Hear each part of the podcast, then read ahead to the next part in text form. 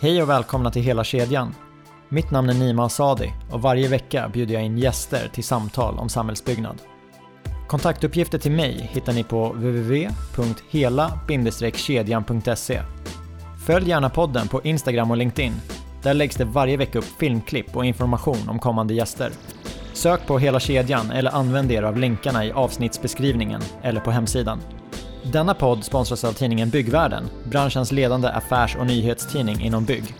Hos dem läser du om de senaste branschnyheterna, de mest intressanta projekten och får tillgång till unik byggstatistik från deras egna databas. Gå in på byggvärlden.se för mer information. Min nästa gäst är managementkonsult med fokus på hållbarhetsfrågor som skapar samhällsförändring. I sin roll som VD på Matters Group hjälper han företag att lyckas när kartan ritas om detta gör han dels genom att arbeta med ledande företag som ser förändringen komma och måste definiera om sina strategier. Men han gör det även genom att arbeta med de företag som tillhandahåller lösningar på olika utmaningar. I detta avsnitt fokuserar vi på Smart Road Gotland, som är världens första trådlösa elväg för bussar och tunga lastbilar. Vi pratar bland annat om målsättningen med projektet på Gotland, tekniken som möjliggör den trådlösa elöverföringen, utmaningar med att vara först ut och vad han tror om utvecklingen framåt. Ett avsnitt med både tekniska detaljer och visioner i stort. Låt mig presentera Niklas Irén.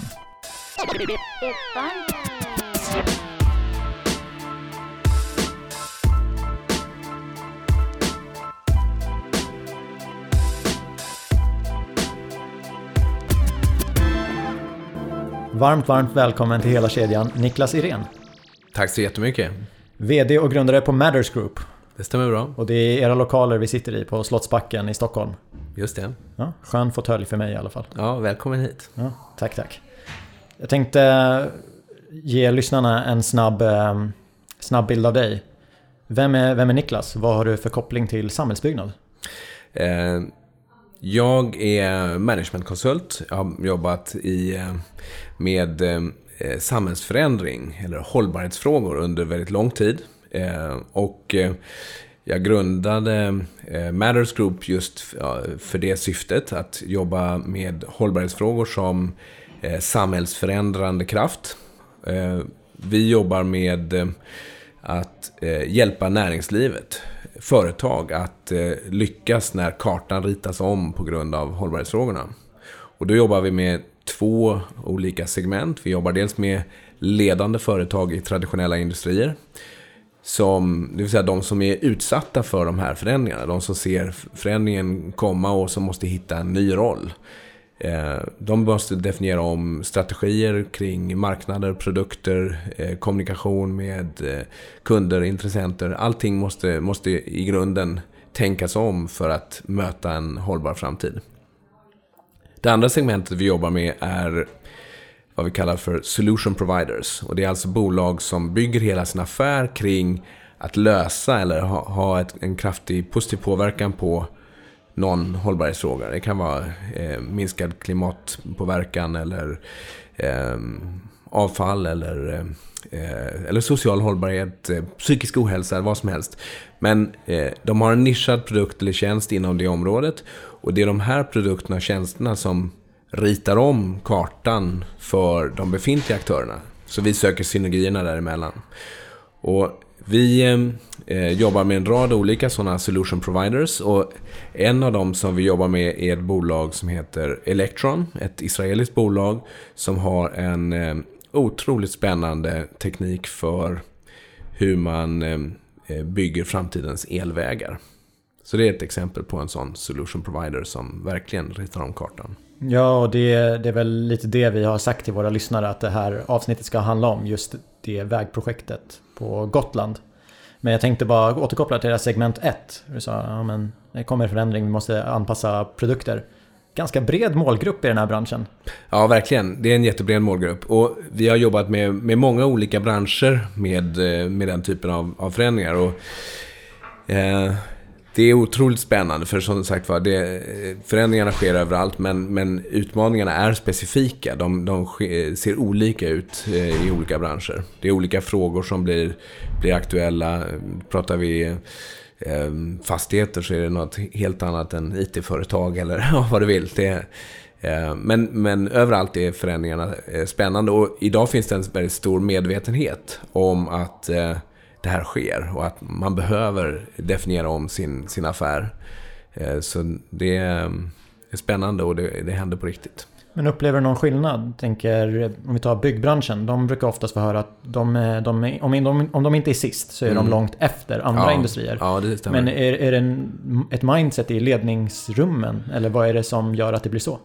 Eh, nej, jag tror att det, det, har mer att göra med att eh, byggbranschen Eh, i en traditionell industri därför att man hanterar stora värden. Eh, stora, dyra eh, assets, tillgångar som ska stå länge. Och om man då gör om man rusar för snabbt in i nya lösningar så riskerar man få en, en, en, en smäll, en backlash. Så därför är man försiktig. Man är eh, mycket försiktigare än, än, i mer snabbrörliga branscher där, där kostnaden för att göra fel inte är lika stor. Går det att se någon, någon skillnad? Du har ju ändå varit managementkonsult under en tid. Du har mm. haft det här Matters Group ja. ett tag. Är det någon skillnad idag jämfört med för tre, fyra, fem år sedan? Ja, stor skillnad. Alltså, eh, Matters Group startade jag 2014, så det är eh, fem, sex år sedan. Eh, men jag jobbade med motsvarande frågor i andra företag som jag var med och, och, och drev innan dess. Och, och det har varit en kontinuerlig utveckling som, som är... Det ser helt annorlunda ut idag. Idag så gör företag väldigt mycket mer. Eh, tidigare så var det mer snack. Man sa att det här är viktigt för oss. Men sen i, i praktiken så kanske man inte gjorde så jättemycket. Men idag så, så är det verkligen så att man, man gör om väldigt mycket. Och, ehm, och det är spännande att vara med och, och faktiskt eh, påverka, driva förändring, skapa eh, eh, stor positiv påverkan. Men har du några exempel? Är det något område som sticker ut? Hållbarhet är ju väldigt hett nu till exempel. Ja, absolut. Ehm, jag, har, jag har massor av exempel. Eh, alltså, ehm, ehm, bara som, som ett exempel då så för att ta någonting helt annat än det vi ska prata om, om senare. Så vi jobbar med eh, stora IT-bolag inom ja, mobilteknik kan vi säga. Som har insett att okej, okay, eh, frågan om hur mycket vi använder eh, mobiler och stirrar ner i dem eh, är på väg att bli en jätteladdad fråga. Hur påverkar det oss? Blir vi bättre eller sämre människor? Vad är kopplingen till psykisk ohälsa? Vad är kopplingen till, till stillasittande och så vidare? Och, och plötsligt så inser de här bolagen att Whoops, vi är på väg att bli en del av problemet. Vi vill vara en del av, av lösningen. Hur ska vi eh, förflytta oss? Hur, vad ska vi göra för att inte eh, orsaka ett stort samhällsproblem utan snarare vara en del av lösningen? Så det är ett, det är ett exempel på vad vi, vad vi jobbar med. Mm. Och eh, tillsammans med, med stora globala teknikbolag. Så där vi har, eh, jag vill inte nämna namn, eller fasen, jag, vi jobbar med Samsung inom det området. Och eh, har, har hjälpt dem med en, med en strategi för att eh, positivt påverka de här områdena. Ja, kanon. Ja. nu vet lyssnarna att det faktiskt är, finns företag som tänker på det och gör. Absolut. Segment 2, Solution Providers. Ja, just det. Det poppar upp startups, väldigt mycket startups nu. Ja. Eh, bygg känns ju som eh, det som finans var kanske för några år sedan. Det ja, det kan man säga. Det... Fintech heter, eller det kallas väl Contech Ja, och, och du har PropTech liksom för, för inom eh, eh, real estate properties. Eh, så att det finns, finns massa termer och, och du har hela IoT-sektorn och du har ja, det är massor av eh, nya teknologier som, som poppar upp, absolut. Och där kom du, eller ni kom i kontakt med en lösning där elbilar laddas samtidigt som de kör. Ja, precis. Och då kommer vi in på Smart Road eh, Gotland. Mm. Kan du inte berätta lite om, eh, om projektet? Jo, absolut. kan börja i den änden att eh, när, eh, när du går till jobbet på morgonen så tar du inte med dig ett stort bilbatteri för att koppla in i din skrivbordslampa när du kommer till jobbet. Och det gör du inte därför att el finns ju både hemma och på jobbet. Så varför skulle du ta med elen? Liksom, det verkar ju dumt. Eh, men när det gäller fordon så, så gör vi precis tvärtom. Vi tycker fortfarande att man ska ta med sig all elen i sin elbil. Därifrån man åker till dit man ska. Fastän det finns el i hela samhället.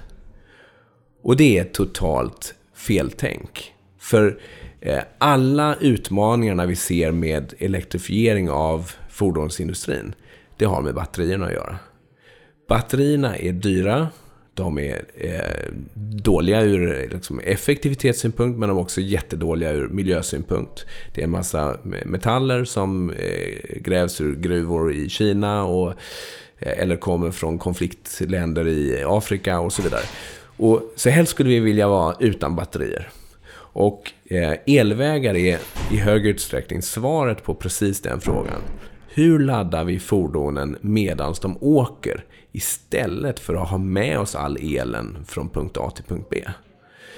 Vi behöver fortfarande ha ett litet batteri i fordonet därför att man eh, ska inte vara beroende av att åka på elväg hela, hela tiden. Men, men i förlängningen, i framtiden så ser vi att elvägar kommer att ha, vara brett utbyggda och då åker man alla längre sträckor på elväg och sen så svänger man av och kör sista biten dit man ska med hjälp av sitt mycket, mycket mindre batteri. Och det här är framförallt, i det första skedet så är det framförallt en lösning för tung trafik. Därför att ju tyngre trafik du har, ju större lastbilar du har, desto svårare blir den här ekvationen med eh, batterier. Du behöver gigantiska batterier för en, för en tung lastbil. Så om det är okay, en okej okay lösning för en bil så är det en jättedålig lösning för en, för en lastbil. Eh, och därför så, så siktar då de flesta regeringar och trafikmyndigheter och liknande, de siktar på att i första hand lösa problemet med den tunga trafiken. Men på lång sikt så är det en lösning för all trafik. Och om vi tar den här vägen på Gotland, den, den bygger ju på någonting som kallas induktiv laddning. Mm. Vad, vad är det för någonting? Jo, eh, det finns ju då lite olika konkurrerande teknologier för, att, eh, för elvägar.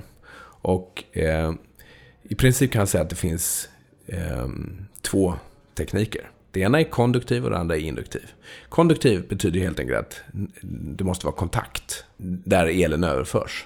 Så ska man ha konduktiv teknik så antingen skickas det ner någon, någon pryl under, under bilen som eh, kopplar i någon, någon skena eller någonting sånt och får elen den vägen. Eller också så skickas det upp någon pryl ovanför fordonet upp till någon eh, ledningar, luftledningar som på en gammal eh, eh, sån här trådbuss eh, för att få Eh, laddning uppifrån. Det är de konduktiva teknikerna. Induktiv teknik, det betyder att man har eh, överföring inte genom kontakt utan genom induktion. Och induktion, det betyder att överföringen sker med hjälp av ett elektromagnetiskt fält från en eh, en sändare till en, till en mottagare. Det är samma teknik som man använder på sin induktionsspis eller sin elspis eller vad säger sin, eller sin eltandborste till exempel. Ehm, och ehm, eh, ja, det betyder helt enkelt att eh, man behöver inte ha några grejer som, som är i kontakt med varandra. Och i, när det gäller elväg, då är det alltså så att då finns det en, en, eh, en infrastruktur som är lagd under asfalten. Så vägen ser helt vanlig ut. Men under asfalten så finns det en, en sändarinfrastruktur som då kopplas ihop med en mottagare som sitter på undersidan av fordonet och överför energin trådlöst. Det är induktiv teknik. Och vad händer om jag går på vägen? Ja, alltså eh, det här är ett helt passivt system. Det vill säga, när det inte är ett, ett fordon som rör sig över eh, infrastrukturen. Exakt där fordonet är. Eh, I övrigt så är tekniken helt passiv. Det, finns, det är ingen el, det är inget eh, elektromagnetiskt fält, ingenting. Så att eh, tekniken känner av var fordonet är och startar överföring enbart precis rakt eh, under eh, mottagaren på, på fordonet. Så, så det här regleras eh, meter för meter, eller snarare halvmeter för halvmeter.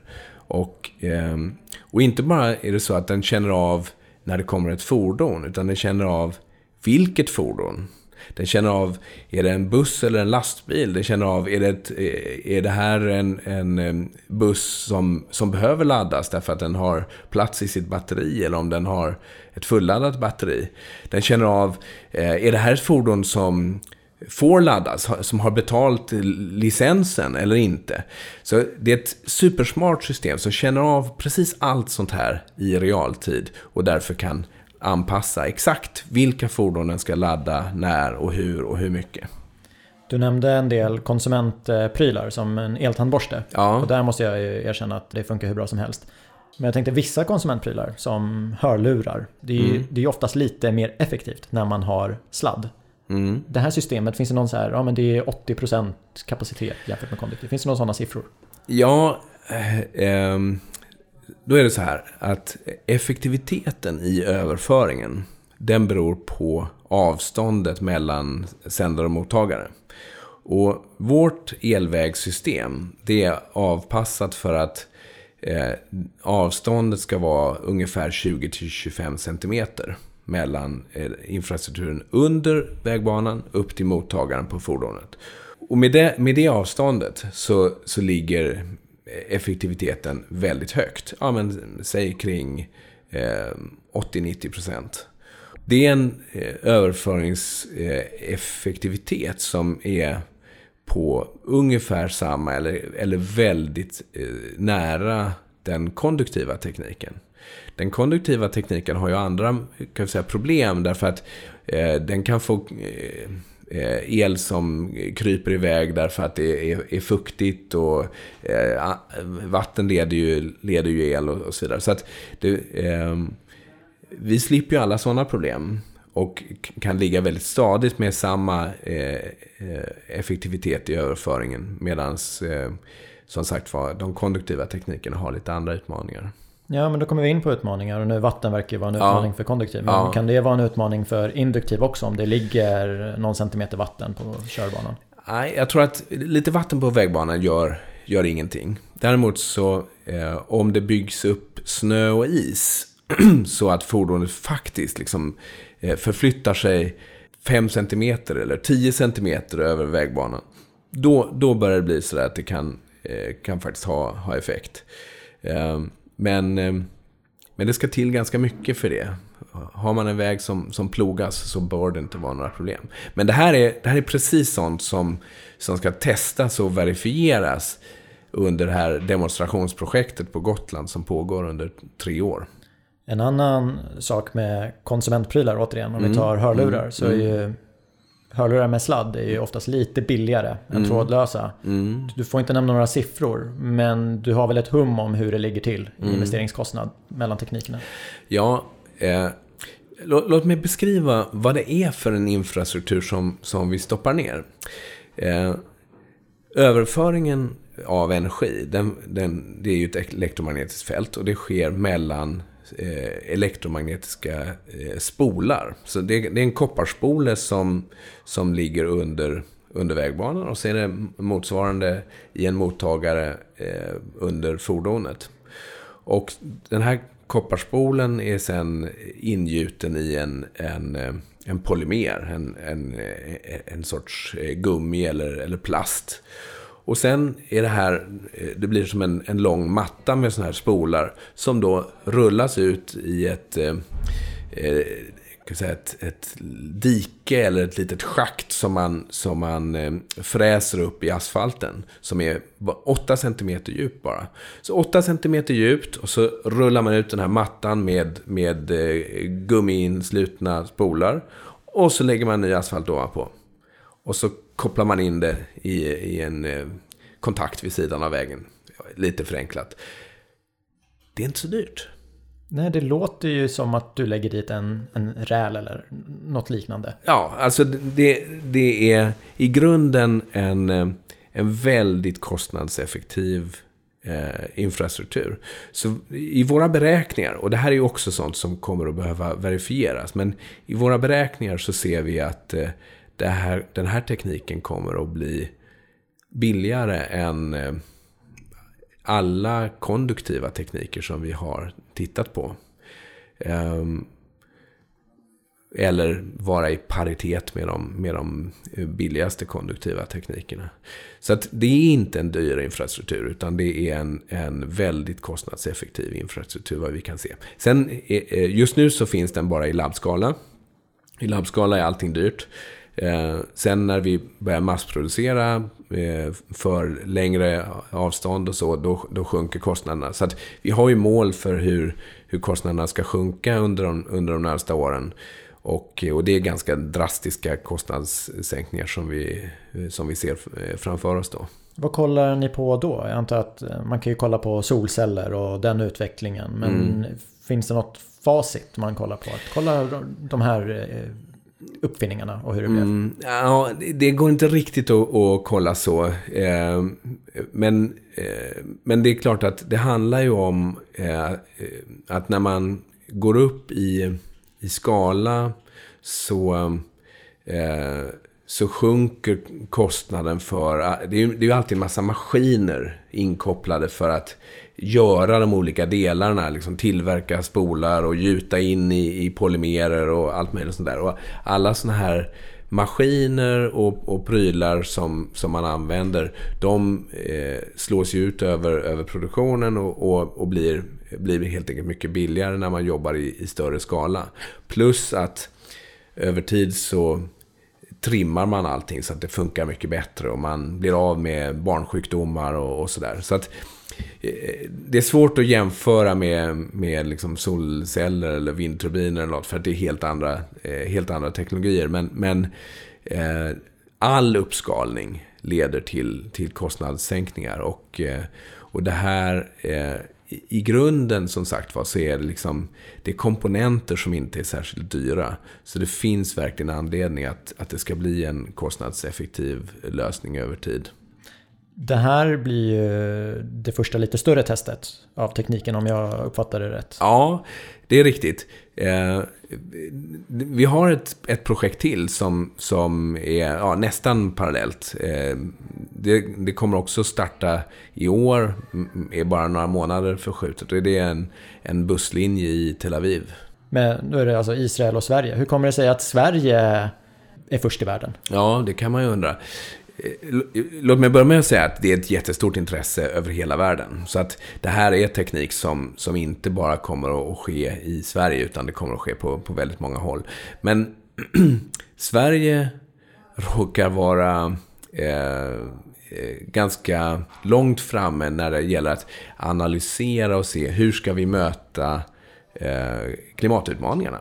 Vad behöver vi göra inom olika sektorer för att minska vår eh, klimatpåverkan? Och då har Trafikverket kommit fram till att ska vi möta eh, klimatutmaningarna i, när det gäller den tunga trafiken, då är elvägar ett måste. Så Trafikverket har en ganska långtgående plan för utrullning av Eh, elvägar i stor skala i Sverige. Alltså på alla större motorvägar och, och så runt om i landet inom ett, ett antal år. Och eh, det här finns det ju inte politiska beslut för ännu, men, men det finns eh, på, på ritbordet. Och eh, planer tag, eh, säga, som, som eh, Trafikverket eh, är väldigt seriösa kring. Och, ehm, och därför så är de måna om att accelerera den här utvecklingen genom att finansiera demonstrationsprojekt som det här. Där man tittar på teknologi, där man också eh, analyserar just vad som händer eh, i olika typer av väglag, med olika typer av trafik, med olika typer av fordon. Eh, ja, alla möjliga, när det springer en katt över vägen eller vad det nu kan vara för någonting. Eh, så allt sånt ska analyseras så att man är redo för, för uppskalning sen. Ja men det blir intressant eh, vad man, vad man just kollar på. Mm. Du nämnde om en katt springer över, över vägen och väglag. Eh, mm. Finns det några fler faktorer som så här, det här måste vi ju... Det ligger högt upp på listan. Ja, absolut. Eh, en, en fördel med den här induktiva tekniken är ju återigen att det är ju ingen, ingenting fysiskt som, som sitter ihop mellan vägbanan och, och fordonet. Och det gör ju att föraren kan ju kan säga, svänga lite hit och dit. Och då, en sån här viktig fråga blir ju också att se hur påverkas effektiviteten i överföringen av precisionen i förarens körning. Så det är ett, an, ett annat sånt eh, eh, område som måste tittas på. Sen handlar det ju också om eh, vad, vad händer vid, vid köbildning? Vad händer liksom när, när vi har flera, flera fordon som konkurrerar om, om laddningen? Och, ja, det, det finns, finns många olika testfall som behöver analyseras. Jag, jag, läste att det är fyra kilometer väg som ska byggas. Ja. Där ungefär en och en halv kilometer blir elektrifierad. Ja, det stämmer. Att köra en och en halv kilometer Mm. med 50 kilometer i timmen, det, det tar inte särskilt lång tid. Nej, det går snabbt. Alltså, eh, så här är det då. Ehm, vi bygger eh, på... Alltså, eh, lösningen är modulär. Så att du har, vi har... Varje överföringsenhet, eller varje mottagare under fordonet kan överföra en viss energimängd. Ehm, och, Ehm, och, den, eh, och då kan man sen på ett större fordon, till exempel en... en alltså vi, om vi har en, en mottagare, den är avpassad för en ehm, eh, för ett privatfordon, en, en, en privatbil. Sen så kan du sätta flera sådana mottagare under en, en, buss och kanske ännu fler under en tung lastbil. Ehm, så uh, så det, det är det sättet som vi, vi reglerar hur mycket energi man kan, kan överföra helt enkelt med fler, fler enheter. Mm. Det blir spännande att, att följa. Mm. Sen i samma artikel så läste jag att investeringskostnaden är 116 miljoner. Ja. Först och främst, det är ju inte körbanan som kostar 116 miljoner. Nej. Vad är det som är inräknat i den pengen? Nej, men då, då ska man vara klar över att det som, det som eh, Trafikverket köper och eh, Trafikverket betalar inte 116 miljoner utan de betalar eh, lite mindre för, för vi eh, parter som är med och levererar det här tar också står för en del av, av investeringskostnaden. Men i alla fall, det, det är fortfarande så mycket pengar det, det kostar. Och eh, det de köper, det är ett kunskapsprojekt. Så det är inte en, de köper inte en, en eh, elväg, utan de köper eh, kunskapsinsamling under tre år. Så eh, vi anlägger den här elvägen, vi eh, köper in fordon, vi eh, eh set, driver, vi har en, en har drift av den här bussen som kommer att trafikera vägen. Den, den kommer att gå i, i drift, alltså kommersiell drift under, under tre år. Och eh, vi kommer ha då en lastbil också som, som kör eh, under testperioder under, under hela den här treårsperioden. Och testar alla olika väglag och så vidare. Allt, alla de här testfallen som vi pratade om. Så att det är, det är en kontinuerlig operation under tre års tid. Med personal som ska eh, övervaka det hela och eh, bussförare som ska, som ska köra och fordon och ja, så vidare. Så det, det, är det som, som kostar. Väganläggningen är, liksom, det är, den, det är den lilla biten. Vilka typer av vägar kan vara aktuella för sådana här tester i ett första skede? Ja, det här blir ju nu ett, ett, ett säga, första test på, på allmän väg. Och, eh, och nu är det ju allmän väg som, eh, som är... Eh, vad ska jag säga, det är inte motorväg, men, men, eh, men det är ändå en allmän väg med, med en del eh, trafik på. I nästa skede så vill ju eh, Trafikverket gå vidare med projekt i lite större skala på, eh, eh, på motorväg. Så, så det blir, blir nästa, nästa liksom, nivå på projekt. Att då, då talas det om upphandling av eh, projekt i storleksordningen 30-40 eh, kilometer på motorväg. Så, så det är väl vad vi kan vänta härnäst. Vi fick in lite läsarfrågor och då var det ju ja, men dels vad händer om det börjar brinna? Mm. Alltså rent generellt så, så skulle jag säga att eh, risken för, för, för brand när det är, eh, och, och det som händer eh, vid en brand med ett elfordon är mindre kritiskt än, än för ett bensinfordon. Även om det fortfarande är, är, är läskigt med, med, med bränder. Eh, när det gäller själva infrastrukturen, så som sagt var, den, den ligger passiv under vägbanan eh, gummerad.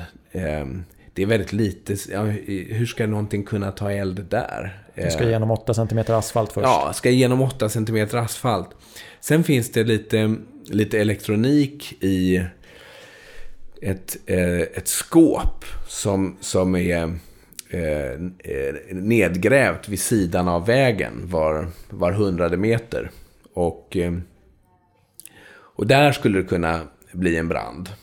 Och, eh, och, och då är det en elektronikbrand. Liksom. Det, det är som om, om det brinner i en, eh, en, en dator eller, eller i, eh, i, i din... I, i eh, kretskorten i din, i din spis eller någonting. Alltså det, det är inte heller bra. Men, men det, är inte, det är inte så farliga saker att det är risk för hela samhället eller så. Du får bryta strömmen innan elden Ja, precis. Det, det, första som händer när, när, eh, när något sånt här sker, det är ju just att all ström bryts, all, alla kopplingar stängs av. Så att de här enheterna som brinner är helt strömlösa.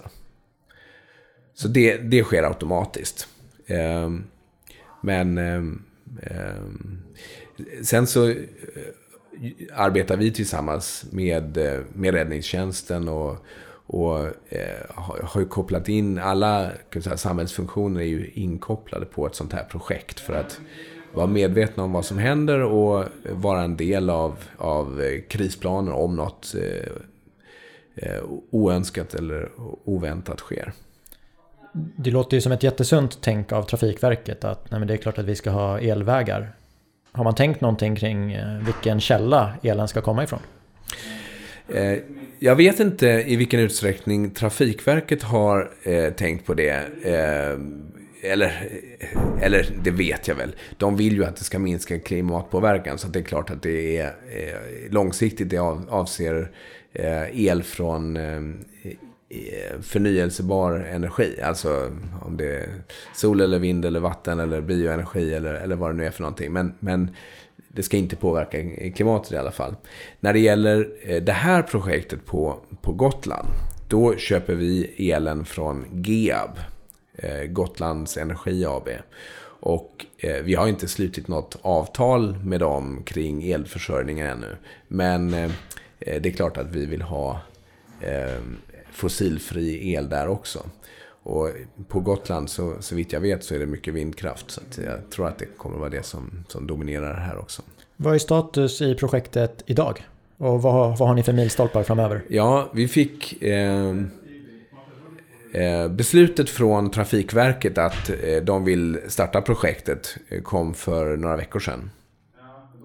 Så nu, eh, nu är det egentligen nu har projektet startat och vi håller på och köper in eh, all utrustningen.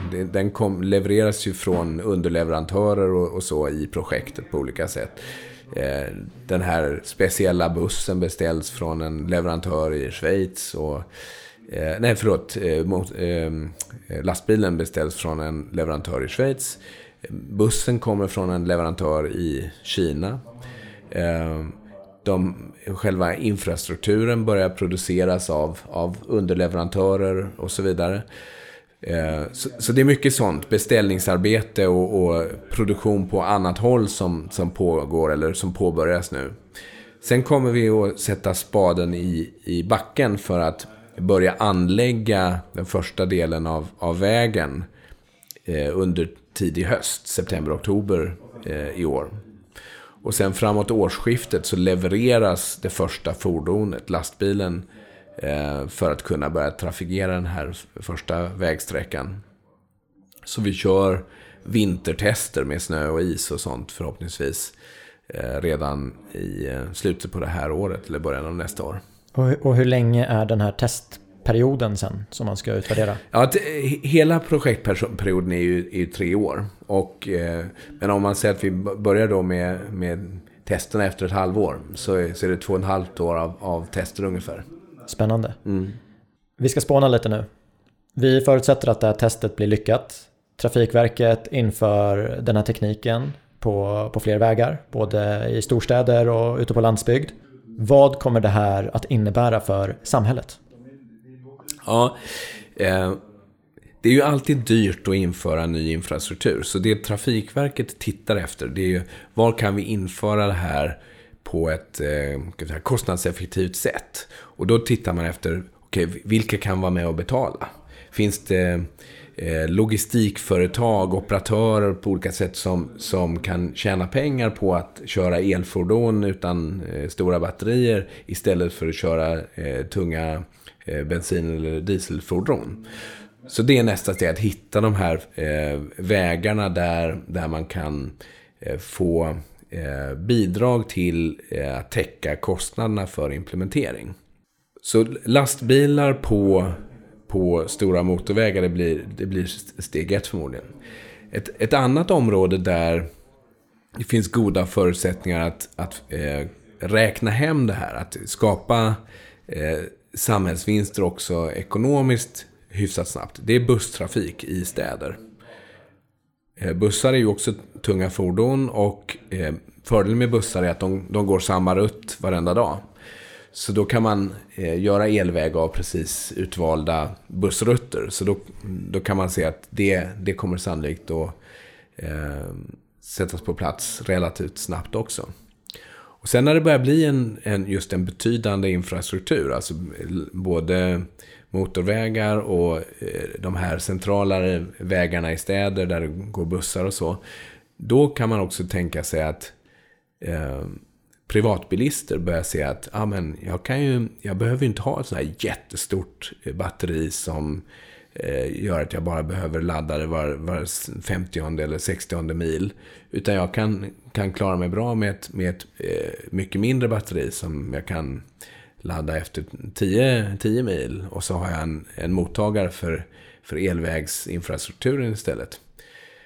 Och när det sker, då, då kommer plötsligt elbilar att bli otroligt mycket mer attraktiva. Därför att det som kostar i elbilen är ju återigen, det är batteriet. Så om man har mycket mindre behov av, av batteri, då sjunker kostnaden för elbilar drastiskt. Och, eh, och då kommer det också att säljas jättemycket mer elbilar än vad det gör eh, bensinbilar. Så det är lite stegen man kan se framför sig i det här. Att först kommer då lastbilarna på, på utvalda motorvägar, sen bussar i städerna, sen kommer privatbilismen så småningom. Jag tycker det är jättespännande. Det här kombinerat med självkörande bilar. Det kommer rita om stadsbilden. Ja, precis. Och man kan ju säga att den här tekniken är ju, är ju extra väl lämpad för för eh, autonoma eh, självkörande bilar. Därför att återigen så eh, förarens eh, precision, hur, hur, väl man, man eh, kör eh, på, över infrastrukturen har, har betydelse. Vilket passar väl för, för autonoma fordon som, som kör, då kör med, med högre, högre precision. Eh, det passar också bra för eh, ett, ett smart system som det här. där Eh, Eh, systemet i, i fordonen kan kommunicera med infrastrukturen och, och eh, man vet eh, hur mycket laddning jag behöver och vart jag ska någonstans. Eh, om, om väginfrastrukturen vet vart fordonet är på väg, då, då blir det också lättare att optimera laddning. Så att, ja men okej, den här, det här fordonet kommer att svänga av elvägen om, om fyra kilometer. Eh, och då behöver batteriet vara hyfsat fulladdat. Den informationen blir ju tillgänglig med ett, med ett autonomt fordon. Därför att autonoma fordon vet ju alltid vart, vart det skall. Så att autonoma fordon är särskilt väl lämpade för den här eh, teknologin. Det är ett riktigt spännande projekt och det har varit jättetrevligt att sitta här och prata med dig. Jag har ju fler frågor, jag tror lyssnarna kommer ha fler frågor. Men vi får helt enkelt se till att följa det här projektet Smart Road Gotland och se vad som händer. Gör det och kom till Gotland och, och provåk eh, bussen nästa sommar. Det lägger jag in i kalendern. Ja. Tack för att du var med Niklas. Tack så jättemycket.